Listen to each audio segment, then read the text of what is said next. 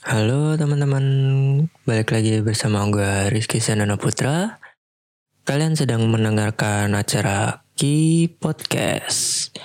Di episode kali ini gue bakal ngebahas tentang ya cerita-cerita singkat aja sih tentang uh, tahun 2020 ini ya seperti yang kita tahu ya banyak yang udah terjadi di tahun ini mulai dari pandemi terus ada apalagi lah banyak jadi pertama-tama udah lama juga ya gue nggak bikin podcast. Terakhir gue bikin itu bulan Februari. Dan itu gue stop bikin podcast karena ya nggak ada yang mau gue obrolin lagi sih. Ya lagi susah susah susahnya lah gitu. Uh, di episode ini gue mau cerita-cerita tentang ya tahun 2020 ini udah kayak gimana sih di sini gue mau nanya nih sebelumnya uh, gimana kabar kalian?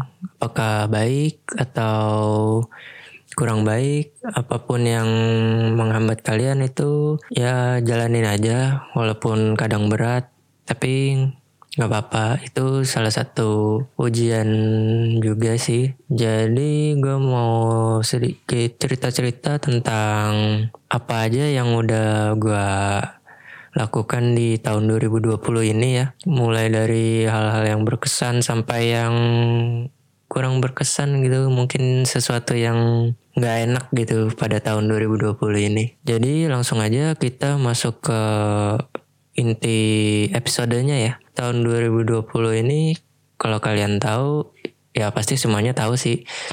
Dimulai dengan bulan Januari tanggal 1 Januari. Kalau nggak salah itu oh ya waktu itu pas tahun baru itu wah itu mantep banget dah. Habis malam tahun baruan gitu tanggal 31 Desember orang mah pada jalan-jalan pada mainan petasan. Nah ini di rumah gue banjir. Dan itu banjirnya itu banjir wah parah bang paling parah dah itu jadi kita tahun baru itu ngerasain main air dan airnya itu bukan air banjir biasa ya. Banjirnya itu ya kalau bisa dibilang sih uh, kayak kayak apa ya? Tinggi banget dah kalau lu lihat berita gitu. Waktu tanggal 1 Januari itu di kompleks perumahan gue itu banjirnya hampir satep ya selantai satu jadi waktu itu banjirnya lumayan tinggi karena hujannya yang deras dan air kiriman. Jadi biasanya kalau banjir mah cuman uh, paling selutut gitu di dalam rumah. Nah ini tahun baru 2020 ini parah banget itu. Sampai satep sampai banyak yang kerendam banjir juga Kemudian ya lumayan berat sih waktu banjir itu. Jadi banyak barang yang kerendam, motor-motor kerendam. Tapi ya kita udah move on lah itu tentang dari banjir itu. Kemudian setelah banjir pada tahun baru itu, kalau nggak salah surutnya waktu kapan ya? Sekitar 5 Januari kali ya surut itu banjir gue juga lupa itu tanggal berapa pokoknya tahun baru itu banjir banjir ya mm, ah mantap dah kemudian di tahun eh di bulan Januari juga itu sekolah kami waktu dulu ngadain yang acara namanya Multimedia Expo. Nah, jadi pada bulan Januari 2020 itu kan masih gue masih SMK ya.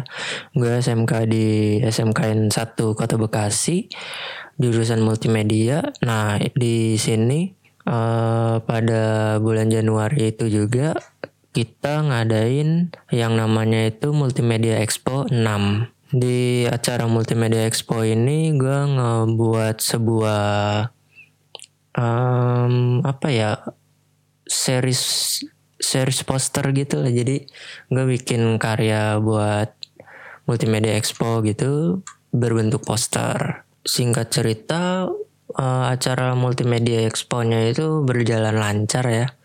Walaupun ya ada beberapa hal-hal kecil yang nggak berjalan dengan rencana gitu. Tapi ya itu acara seru banget. Jadi gue itu pertama kali nggak pertama kali juga sih. Jadi kayak seru juga gitu uh, ngikut dalam ngikut jadi panitia dalam sebuah acara pameran gitu ya. Dan itu pengalaman berkesan banget sih bagi gue kemudian waktu bulan Januari itu juga tanggal 12 ya 12 Januari sebelum Multimedia Expo. Jadi Multimedia Expo itu kalau nggak salah tanggal Oh ya Multimedia Expo tanggal 25 Januari. Jadi sebelum tanggal 25 Januari itu tanggal 12-nya gua sama Ilham itu Ilham itu hmm, bisa dibilang teman baik ya, teman deket gitu waktu SMK. Jadi pada tanggal 12 Januari itu gua sama Ilham, nama teman gue itu Ilham, dia sekarang kuliah bareng gua di Politeknik Politeknik Negeri Media Kreatif. More on that later. And di pada tanggal 12 Januari ini gue sama Ilham ke acara pameran desain yaitu kalau kalian tahu dari episode gue sebelumnya ada pameran yang bernama Sik Asik jadi di situ ada pameran desain grafis gitu ya. Pameran ini ada di Kemang Jakarta. Kemang itu daerah Jakarta Selatan ya kalau nggak salah. Jadi di situ ada kayak pameran desain grafis gitu lumayan gede.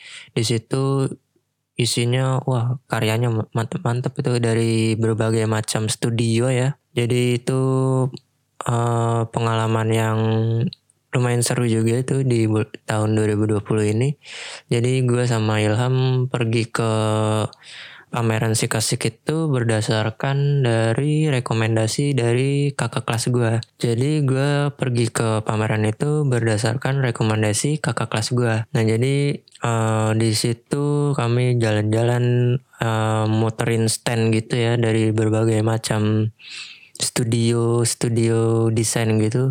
Dan itu isinya wah itu sangat apa ya nggak bisa diungkapin sih. Itu kayak pertama kalinya gue datang ke sebuah pameran seni dan di situ gue nggak tahu apa apa itu isinya bakalan ada apa aja ya. Jadi ya wah itu seru banget. Tapi karena ya bulan eh tahun-tahun ini tahun-tahun corona ya jadi ya nggak tahu nih gimana nantinya. Apakah acaranya ada lagi atau nggak ada atau ada lagi dalam format yang berbeda gue juga nggak tahu deh. Terus uh, nah di langsung ke tanggal 16 Januari di sini gue ngebuat uh, lighting buat MM Expo gitu kan. Kalau kalian tahu itu ada yang lampu yang namanya itu neon flex ya kalau nggak salah jadi di situ gue bikin Hmm, kayak kayak display lampu gitu kayak uh, hiasan-hiasan lampu neon gitu ya. Karena uh, Multimedia Expo itu waktu tanggal 25 Januari itu temanya eh, bukan temanya sih judulnya itu Gemerlap Senja ya.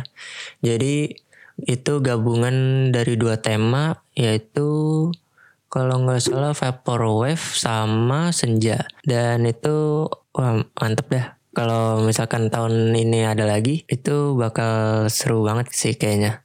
Walaupun dengan pandemi kayak gini mungkin formatnya nanti bakal berbeda ya. Gue juga nggak tahu sih belum ada omongan-omongan lagi tentang multimedia expo tahun 2021 eh 2020 ini ya. Buat yang apa namanya multimedia expo ketujuh belum ada berita-berita omongan-omongan lagi jadi di sini gue ngebuat uh, neon flex gitu karya ne bukan karya juga sih buat display uh, hiasan di ruangan neon ya. Kemudian Oh ya, ini tanggal di akhir bulan Januari ini tanggal 21-nya. Nah, itu uh, di SMK gua ngadain kegiatan yang namanya itu Praukom.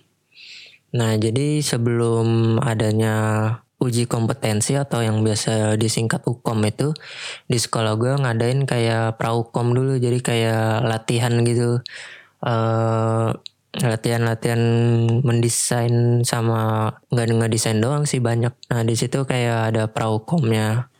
Di sini waktu itu gue ngebuat kayak branding kopi. Uh, di brief ya itu kalau nggak salah itu kalian disuruh ngebuat branding dari salah satu uh, jenis makanan. Di situ kalau nggak salah ada burger, ada kopi, ada apalagi ya gue lupa itu. Waktu itu briefnya. Pokoknya waktu itu Praukom itu kayak hmm, gimana ya seru sih kayak ya kayak ngerjain project dari klien gitu. Tapi karena waktu itu masih SMK ya gue juga masih kayak takut-takutan gitu ngerjainnya. Kayak hmm, ini gimana ya ini gimana ya gitu. Tapi itu gue jalani dengan hmm, ya fine fine aja sih. Uh, kemudian dilanjut lagi pada tanggal 24 Januari ya itu udah mulai ngepush tuh apa namanya buat kayak dekorasi terus ada pengumpulan karya buat multimedia expo-nya.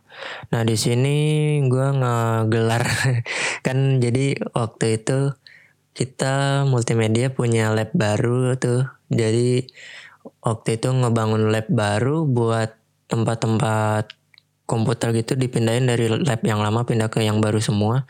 Dan di situ gue ngegelar kayak workshop gitu lah. Kayak eh, tempat-tempat kerja gitu. Jadi gue gelarin itu semua neonnya terus kabel-kabel tang gunting bla bla bla itu gue gelar semua di lantai buat ngerakit lampu neonnya ya. Dan di sini pada tanggal 25 Januari uh, acaranya dimulai. Dan itu kalau nggak salah pas malamnya ya se malam sebelum acaranya itu kami gua sama teman-teman tim panitia itu ngepus buat dekorasi ya. Jadi dari pagi sampai malam tuh jam berapa ya? Kalau nggak salah jam 11 malam itu. Kita push nge dekor buat MM Expo tuh sampai ya sampai capek-capeknya lah itu. Sampai bikin ruangan ruangan buat bioskop itu ditempelin kain-kain hitam di jendela-jendelanya sampai wah di ruangan neonnya gue masangin lampu neon neonnya. Terus juga ada ada yang masangin apa namanya karya-karyanya. Ada karya fotografi poster dan lain-lainnya di situ dan itu lumayan capek sih pas persiapannya. Kami semua kayak ya capek gitu tapi hasilnya bagus sih. Mungkin kalau kalian lihat di IG gua waktu itu gua nge-share apa namanya uh, lampu neon buatan gua ya. Dan itu oh bagus banget. Gua bangga banget sih bisa jadi panitia multimedia expo 6 pada waktu itu. Nah kemudian uh, tadi kan di sebelum-sebelumnya gue udah ngebahas tentang poster yang gue bikin, series poster yang gue bikin buat acara multimedia expo ini yang jadi gue bikin series poster namanya Paper Show. Di sini gue ngebikin kayak serangkaian poster gitu uh, yang jadi gue lagi demen-demennya tuh waktu itu kayak ya explore explore bikin poster gitu ya.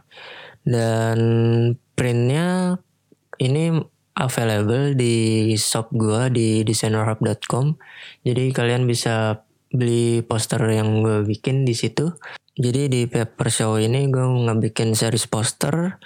Dan itu hasil dari ya utak atik gue di Adobe Illustrator lah gitu. Jadi apa aja yang ada di kepala gue gak tuangin buat di poster itu. Terus di balik lagi ke acara multimedia expo ini. Dan di sini ada karya film-film juga nih. Jadi ada yang bikin animasi terus ada juga waktu itu kalau nggak salah nampilin film dari tugas akhir kelas 12 kelas kami. Jadi di situ ada dua film. Uh, yang satu berjudul Kaneboan, yang satu lagi berjudul um, apa ya judulnya uh, malapetaka nah itu jadi di situ dua karya film dari kelas kami ditampilin juga dan ada juga yang karya animasi ya. Jadi animasi itu dari adik kelas gua. Sekarang dia kelas 11 berarti. Nah itu animasinya mm, mantep banget dah. Judulnya itu reality yang dibuat oleh temen gue, adik kelas gue. Yang IG-nya kalian bisa cek Legio 3D dan itu animasinya hmm, gila mantep banget sih. Nggak nyangka gitu apa namanya ada kelas gue bisa bikin animasi semantep itu. Uh, eh, gue nggak exaggeration ya tapi emang skillnya itu udah mantep banget lah. Dan di situ gue ngerasa bangga banget ih adik kelas gue aja bisa bikin begini.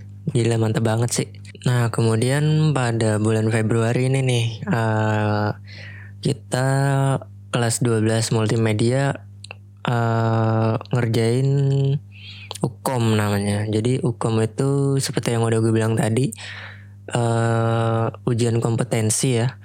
Jadi emang setiap siswa SMK itu di uh, akhir tahunnya, akhir tahun di SMK itu dites dengan yang namanya ujian kompetensi. Nah di sini ujian kompetensi itu uh, kalau nggak salah empat hari ya atau tiga hari ya lupa. Jadi di ujian kompetensi ini kita dites buat ngebuat branding. Sa uh, jadi salah satunya itu ada branding, terus ada animasi, ada audio video sama apalagi ya lupa.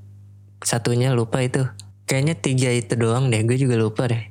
Nah, jadi di sini pada tanggal 10 Februari itu kelas kita ngadain eh bukan kelas kita maksudnya sekolah kita ngadain ngadain ukom di sini itu pas ukom itu kayak tegang banget sih. Karena ya nggak biasa dikasih nggak biasa apa namanya dikasih kerjaan yang sehari selesai ya. Jadi waktu itu pas nge-branding itu gue bikin uh, branding tentang kopi yang tadi gue bilang itu yang kopi ki. Uh, terus di sini wah seru banget. Gimana ya gue nyeritainnya juga kurang bisa gue ceritain sih. Jadi mungkin gue nanti ngajak temen gue buat ceritain tentang hukum waktu itu uh, di Ukom ini gua ngebu ngebuat branding bukan kopi sih tapi kayak minuman coklat gitu yang gue namain Cokita. Cokita itu kayak minuman coklat. Jadi uh, gue nge-branding minuman coklat gitu lah. gue juga nggak bisa nyeritain gitu. Jadi di situ kita kita disuruh nge-branding mulai dari bikin logonya, bikin packaging, terus juga foto produknya sampai nyetak packagingnya itu jadi. Dan itu hmm, gue pertama kali juga sih bikin packaging kayak gitu ya. Jadi ya hasilnya nggak hmm, kurang bagus lah gitu. Kemudian juga di di setiap ujian-ujian di SMK gue itu biasanya dapat kartu ya. Jadi setiap ujian UTS, terus UAS, terus uh, ujian kompetensi, UN kayak gitu ada kartu-kartunya dan gue punya koleksi semua kartu ujian dari awal masuk sampai ke UN yang gak jadi. jadi itu gue deretin semua itu kartu kartu-kartu ujian uh, ya karena bagus aja sih buat dipajang gitu. Jadi ya gitulah. Nah kemudian pada bulan Februari ini juga tanggal 16 itu gue mulai hmm, kayak belajar-belajar gimana sih cara bikin podcast gimana cara ngupload podcastnya ke Spotify gitu. Dan wah, pertama kali gue bikin podcast itu seru banget. Kayak belajar ilmu baru itu bagi gue itu sangat apa ya kayak menarik gitu. Jadi gue belajar tentang audio gimana cara ngolah audio kemudian uh, ya kayak main-mainin efek-efek itu gimana su supaya suaranya itu bagus dan gitulah. Sampai uh, bisa orang lain dengerin di Spotify ini. Dan ini uh, project podcast ini gue sangat bangga banget sih karena ternyata bikin podcast itu gampang ya. Uh, bukan bukan maksudnya gue ngegampangin cara bikin podcast ya. Uh, maksud gue gimana cara publikasinya itu udah gampang banget gitu. Mungkin kalau kalian sering dengar iklan-iklan di Spotify yang ngebahas tentang yang bunyinya itu kayak kamu ingin membuat podcast tapi bla bla bla bla bla datanglah Anchor kamu bisa membuat anchor eh kamu bisa membuat podcast dengan mudah dan dapat didengarkan di di mana pun dan kapan pun dengan anchor. Yang iklannya kayak gitu-gitu lah. Nah dari iklan itu gue kayak belajar wih kayaknya seru nih bikin podcast.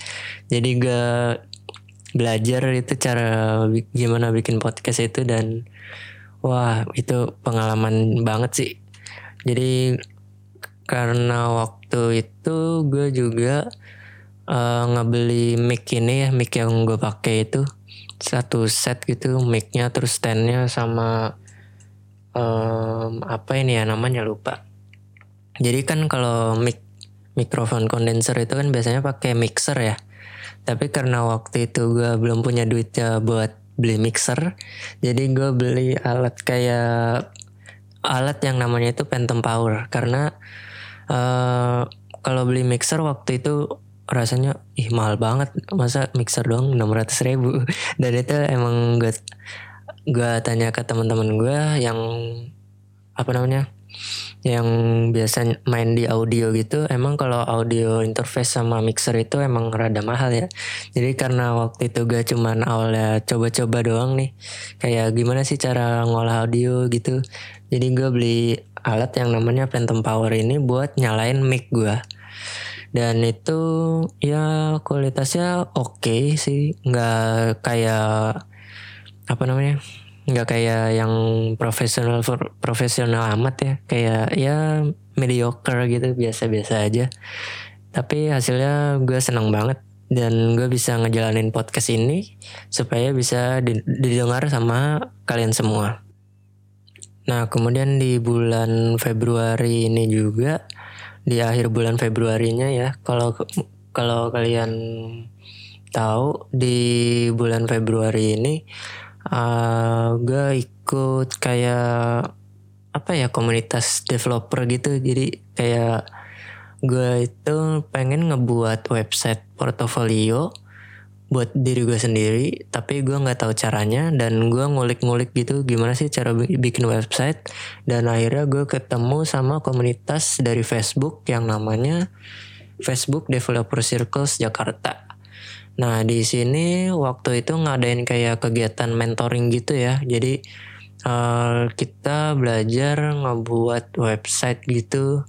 Mulai dari dasar HTML, CSS, JavaScript gituan sampai ke kalau nggak salah ada framework oh ya namanya Re React JS kita ada gue dapat kayak semacam scholarship gitu ya. Scholarship itu kayak hmm, scholarship itu apa sih bahasa Indonesia nya lupa lagi.